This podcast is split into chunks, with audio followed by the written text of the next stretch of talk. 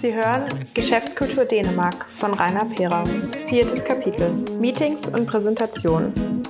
Dänische Meetings, Møder, sind zielgerichtet. Das gilt natürlich auch für Treffen mit ausländischen Geschäftspartnern. Über die konkreten Ziele hinaus, zum Beispiel den Projektstart, geht es auch um das Gefühl des Vertrauens und der Gemeinsamkeit. Dementsprechend ist der Begriff Fellescape, Gemeinschaft, zentral für die dänische Kultur. Der dänische Designer Erik Magnussen sagte mir einmal, man kann doch nur mit Leuten arbeiten, die man mag. Den möchten deshalb in einem Meeting immer auch herausfinden, ob man sich denn mag, beziehungsweise im nächsten Schritt diese Beziehung aufbauen und weiter fördern. Eine entsprechende Atmosphäre zu schaffen, ist mindestens so wichtig wie Inhalt und Ergebnis des Meetings. Sie können davon ausgehen, dass Ihre dänischen Kontakte ohne Hidden Agenda arbeiten und nicht taktieren. Sie sollten sich entsprechend verhalten und kommunizieren. Besprechungskultur. Die Besprechungskultur in dänischen Unternehmen ist diszipliniert. Das ergibt sich schon alleine daraus, dass dänische Gesprächspartner regelmäßig wenig Zeit haben. Es gibt meist eine Tagesordnung, man beginnt pünktlich und kommt schnell zur Sache. Das Meeting wird auch pünktlich beendet. Eine spezielle Sitzordnung ist eher unwahrscheinlich.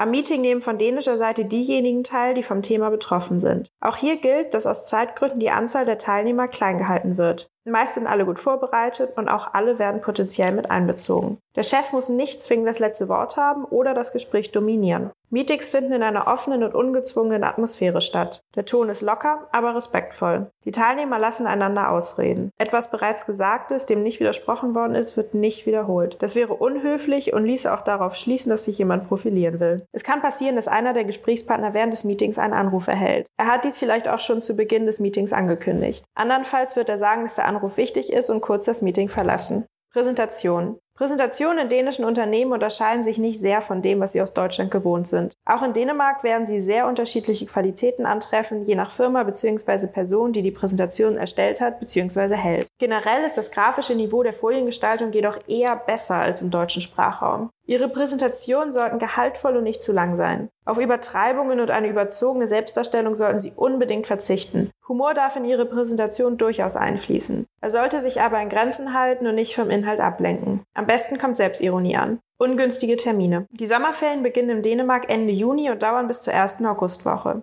Der Juli eignet sich deshalb nicht für Meetings mit dänischen Partnern. Dänemark ist in diesem Zeitraum so gut wie geschlossen. In der Kalenderwoche 7 sind ebenfalls landesweit Ferien und ihre dänischen Gesprächspartner fahren in den Winterurlaub. Kurzfristige Absagen. Es kann durchaus passieren, dass ein Meeting kurzfristig abgesagt wird. Aus Gründen, die in Deutschland niemals zu Absagen führen würden. Wenn zum Beispiel das Kind des Geschäftsführers krank geworden ist und seine Ehepartnerin schlechter aus ihren Verpflichtungen herauskommt als er, dann muss der Geschäftstermin mit ihnen zurückstehen. Es ist also nicht automatisch so, dass die Ehefrau ihres Geschäftspartners, wenn es denn ein Mann ist, zu Hause bleibt. In Dänemark sind die Geschlechterrollen weniger unterschiedlich als in Deutschland. Dies gilt tatsächlich auch für absolute Top-Positionen. Der ehemalige dänische Ministerpräsident Lars Løkke Rasmussen sagte einst einen Termin bei einer großen Gruppe Botschafter ab, weil sich seine Tochter den Fuß verstaucht hatte. Die Ehefrau des Ministerpräsidenten hatte auch wichtige Termine. Es gab darüber zwar eine öffentliche Diskussion, ausgetragen in der dänischen Tageszeitung. Nach kurzer Zeit war der Konsens aber klar. Es war in Ordnung, dass der Ministerpräsident sich um die Familie kümmerte, statt um die Botschafter. Die Geschichte zeigt übrigens auch, wie offen und transparent in Dänemark kommuniziert wird. Es werden keine Ausreden gesucht, sondern es wird gesagt, was ist. Einfang der Gegenperspektive. So sehen die Dänen uns. In einem Kooperationsprojekt zwischen der Süddänischen Universität in Ulmse und der Christian-Albrechts-Universität zu Kiel wurden unlängst deutsch-dänische Stereotype untersucht. Es wurden 506 Individuen schriftlich befragt und gesondert noch einmal 83 dänische Unternehmen mit Geschäftsbeziehungen nach Deutschland. Gemäß der bei den Individuen herrschenden Vorstellungen sind Deutsche freundlich, höflich, gründlich und übergewichtig. Sie sprechen laut, trinken Bier und fahren große Autos. Nicht unerwartet sind auch der Zweite Weltkrieg und Hitler bei den Assoziationen dabei. Viele Dänen empfinden Berlin als sehr attraktiv. Nicht wenige haben dort Wohnungen und fahren übers Wochenende gerne in die deutsche Hauptstadt. Das Oktoberfest wird ebenfalls genannt und ausgiebig besucht. Dies gilt nicht nur für das Münchner Original, sondern auch für zahllose Oktoberfeste in Dänemark selbst. Schließlich kommen jährlich Zehntausende Jütländer zum Großeinkauf nach Flensburg, weil sie dort eine Menge sparen können. Darüber hinaus hat die Fußball-Weltmeisterschaft 2006 in Dänemark für viel Sympathie gegenüber den Deutschen gesorgt. Die dänischen Unternehmen wurden in der Untersuchung gefragt, welche Vorstellungen eine Rolle in den Kontakten zwischen deutschen und dänischen Unternehmen Unternehmen spielen. Fleiß, Gründlichkeit und Korrektheit der Deutschen wurden betont, auf der anderen Seite Reserviertheit und der Hang zur Förmlichkeit.